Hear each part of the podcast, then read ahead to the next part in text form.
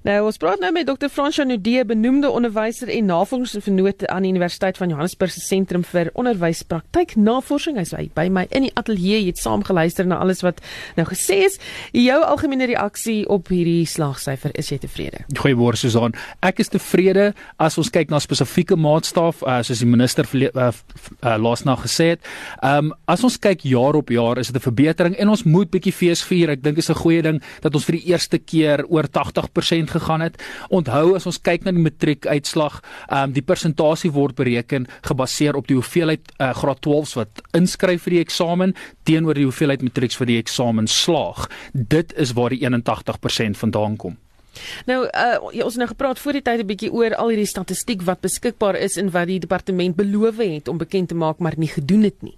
Daar's nou al vir 'n rukkie lank sal druk op die minister geplaas om 'n groter mandjie van maatstawwe op terugvoering te gee.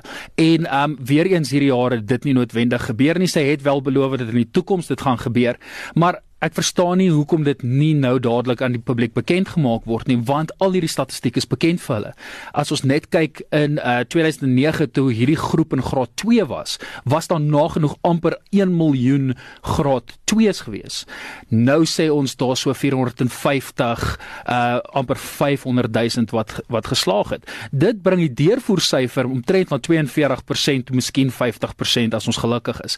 En ek dink dis 'n baie belangriker maatstaaf om na te kyk kyk as om net slegs te kyk na hoeveel graad 12 wat die eksamen deurkom. Miskien moet jy by daardie punt bly, jy weet waantoe is hierdie leerdlinge?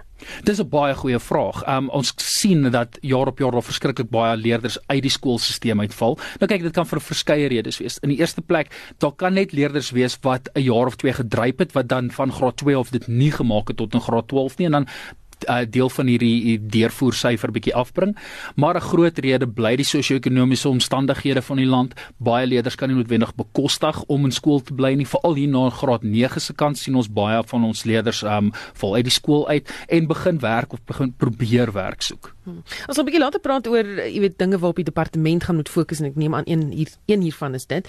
Maar uh wetenskap en wiskunde is altyd in die kolle groot studente die jaar gevaar daar. Um ons sien dat ons wiskunde syfer vir al die inskrywings vir wiskunde um gedaal het. Ons het minder leerders wat ingeskryf het vir wiskunde, maar daar kan 'n paar redes wees daarvoor. Ons sien ook wel vir die eerste keer hierdie jaar skryf ons graad 12 tegniese wiskunde wat 'n nuwe vak is. Um so daar kan van die wiskundeleerders wees wat besluit het om eerder tegniese wiskunde te vat en dan nog altyd wiskunde geletterdheid wat 'n wat 'n populêre opsie bly vir ons leerders. En wetenskap? Kyk, wetenskap is maar een van daai vakke um saam met uh, rekenkunde en ook ons landbou uh, studies wat een van daai belangrike vakke is wat ons sien veral vir universiteits uh, uh vrystelling as jy 'n uh, bakalaureus graad wil gaan swat en ons ons wetenskap uh uh, getalle het min of meer dieselfde gebly um, as die vorige jare. Dan ehm um, weet jou reaksie op die hoeveelheid onderskeidings en die toppresteerders. Ek sien 150 000 onderskeidings. Kyk, dis nou maar op die einde van die dag iets waar baie mense trots is en ek dink ons leerders moet trots wees op hulle onderskeidings. Ehm um, dit beteken jy 80% of hoër gekry in 'n spesifieke vak.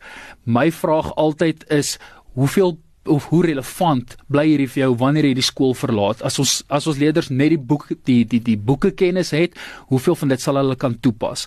Is ons leerders gerad het hulle die vaardighede om daai kennis toe te pas in die werkplek of in hulle alledaagse lewe. Maar op die einde van die dag 'n onderskeiding bly maar 'n goeie prestasie en ons leerders en ons ouers en veral ons onderwysers, ons sou ons onderwysers werk verskriklik hard aan hierdie onderskeidings ook. Um ons het die gesegde waar hulle sê dat wanneer iets sleg gaan in die klas is dit maar altyd die onderwysers se skuld, maar wanneer dit goed gaan, dan is dit die ouers se skuld.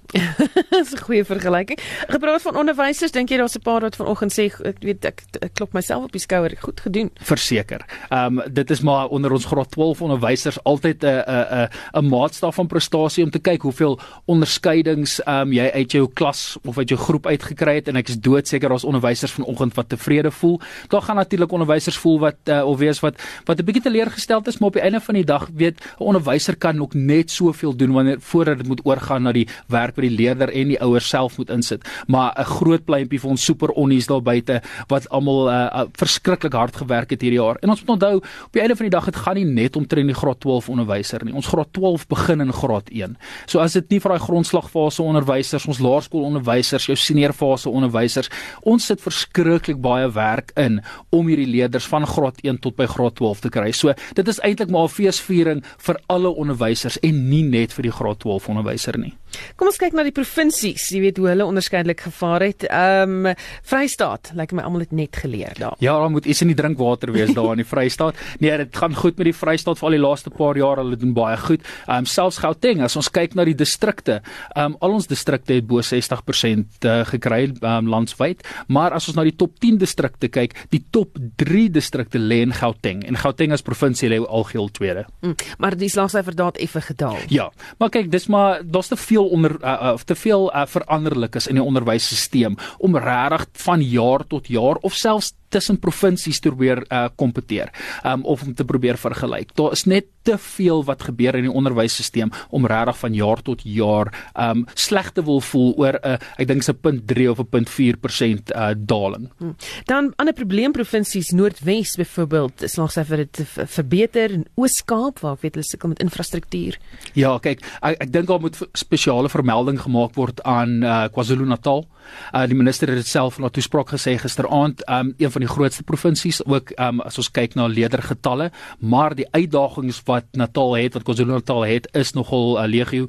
As ons kyk na um, die landelike skole, hoe ver die leerders moet um, um, pendel om by die skole uit te kom, die sosio-ekonomiese toestand van die provinsie en dan die minister het ook gister genoem, daar's meer as 80 skole wat uh, beskadig is as gevolg van die vloede in KwaZulu-Natal. Ons wonder wat gaan met daai leerders gebeur.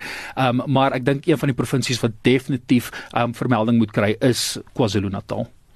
Matriekvrystellings. Ehm um, en is die universiteit die enigste opsie? Kies leerders net universiteit onderrig na skool of sien ons dalk dat daar tendense is dat hulle nou ander keuses begin uitoefen? Kyk, dit bly maar nog altyd 'n populêre opsie is om 'n bakkalaureusgraad te kry. So daai universiteitsvrystelling bly maar 'n groot prioriteit vir baie ouers, dink ek, en daar word onnodig miskien druk op leerders geplaas om 'n bakkalaureusgraad te gaan kry. As ons kyk na tersiêre inrigtinge, hoef ons nie net te fokus op 'n uh, op 'n bakkalaureusgraad nie. Diploma diplomas en sertifikate is net so goed. Um ons kyk na baie van ons uh, TVET colleges.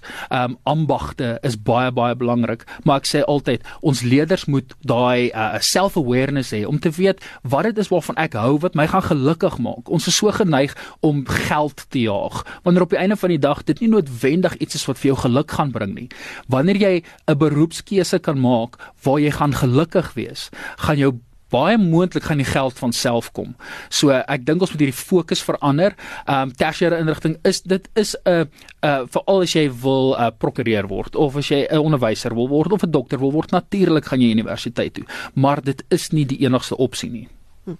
Laastens, waarop sal die departement van onderwys dringend moet fokus? Daar bly nog hierdie verskriklike ongelykheid tussen ons verskeie skole. Dis amper asof ons twee verskillende uh onderwysstelsels in een land het. Um ons het ons X-model C skole en ons privaat skole waar dinge verskriklik goed gaan as ons net kyk na die uh matriekslaagsyfer van ons privaat skole. Um kan kom ons agter dat uh dat daar um verskriklik baie uh hulpmiddels vir hierdie leerders is.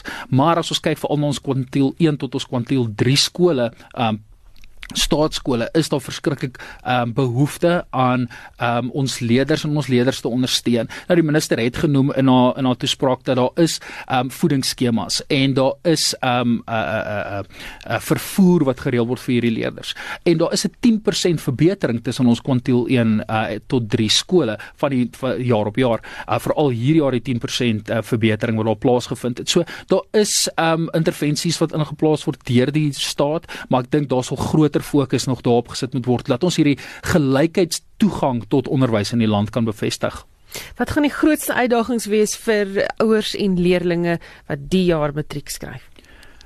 Wel, ek dink die eerste ding is as ons wil kyk na die matriek eh, slagsyfer gaan wees om met 'n hand af. Um om om uh, of dalk te verbeter. Die minister het self gesê, ek weet nie of sy kans sien um om terug te val van hierdie 81% of nie, maar ek meen ek ek glo nie daarin om te fokus op hierdie tipe goed nie. Ek dink die grootste uitdaging bly um daai verhouding tussen die ouer en die kind en die onderwyser wanneer daai verhouding um solied is wanneer daar regtig 'n vaste verhouding tussen die onderwyser, die leerder en die ouer is, dan dink ek kan mens enigiets van die uitdagings wat bestaan oorkom.